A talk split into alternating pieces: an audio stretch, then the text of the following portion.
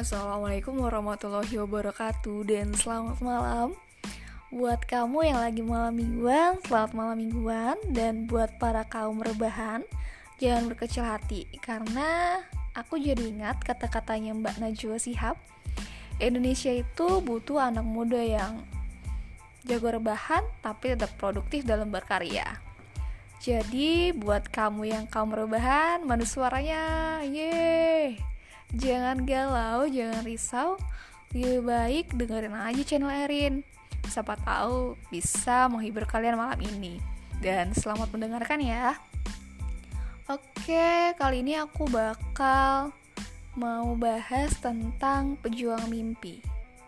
Sekarang kan lagi rame-ramenya tuh para pejuang mimpi ikut tes CPNS, ada yang lulus SKD, dan akhirnya dapat lanjut ke tahap selanjutnya. Tapi ada juga nih yang gak lolos. Jangan kecewa ya. Kecewa itu wajar. Jika pada akhirnya mimpi yang kamu idam-idamkan belum terwujud, ya kita harus menerima itu. Mungkin ada beberapa teman yang setelah tes dan ternyata gagal, langsung menghubungi orang tua. Ngechat nih via WA. Ibu, maaf, anakmu gagal sempat kecewa sih. Sudah belajar prepare fisik mental finansial. Karena lokasi tes yang cukup jauh. Eh ternyata nggak lolos. Sempat mungkin nangis sampai meneteskan air mata yang berlebihan. Kecewa dengan diri sendiri. Kenapa belum bisa jadi yang terbaik? Kenapa sih aku belum bisa mencapai mimpi aku namun, sang ibu pun selalu punya jawaban di setiap pertanyaan. Sudah, Nak, tidak masalah. Gagal, coba lagi. Ambil hikmahnya. Perkataan itu setidaknya dapat membuat hati ini menjadi lebih tenang. Tapi, bukankah kegagalan itu membuat kita semakin belajar untuk lebih giat lagi dalam berusaha? Berpikir positif saja terhadap jalan Tuhan yang berikan. Sudah saatnya kita keluar dari yang namanya zona nyaman, ya gak sih? Kali ini aku bakal mau sharing tips simple keluar dari yang namanya zona nyaman. Tapi kadang teman-teman ada yang bertanya, kenapa sih harus keluar dari zona nyaman, Rin? Kan udah enak tuh.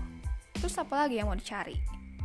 Nah, sebenarnya Menurut aku, ketika kita berani keluar dari zona nyaman, salah satunya nih, kita bisa tahu seberapa besar kemampuan yang kita miliki di bidang yang lain.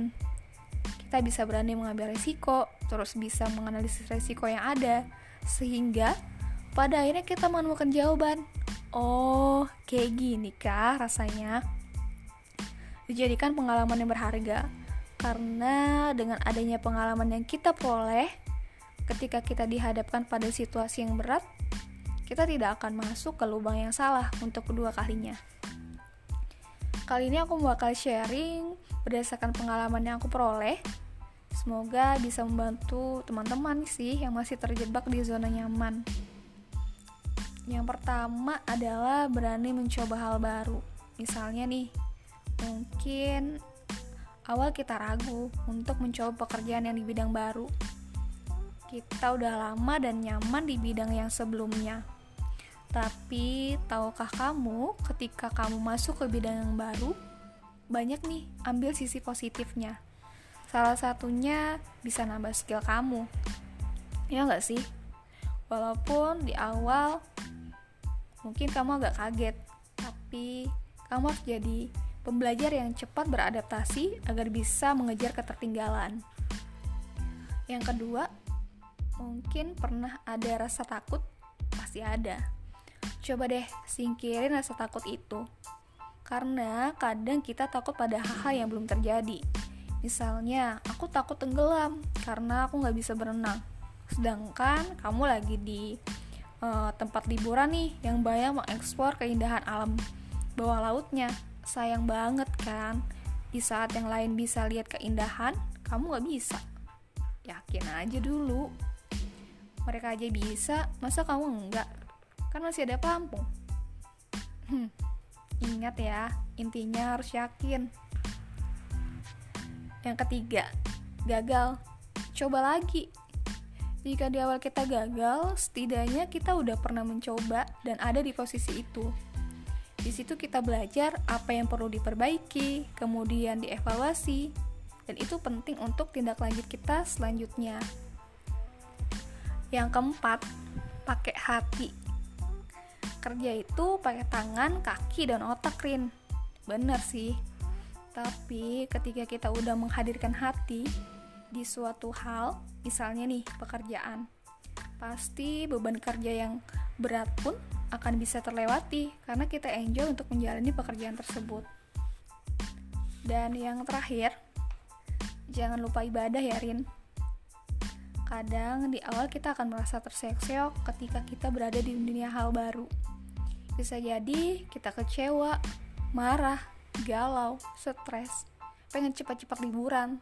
Tapi ingat, jangan lupa ibadah karena itu salah satu hal yang bisa menguatkan kita ketika kita lagi terpuruk dan mencapai sebuah keberhasilan yang akan kita peroleh.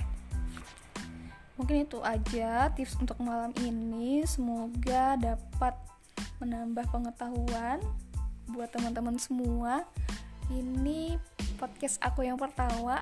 Maaf kalau misalnya belum maksimal dan aku akan mencoba lagi di podcast-podcast selanjutnya. Oke, selamat malam. Sel uh, selamat malam mingguan.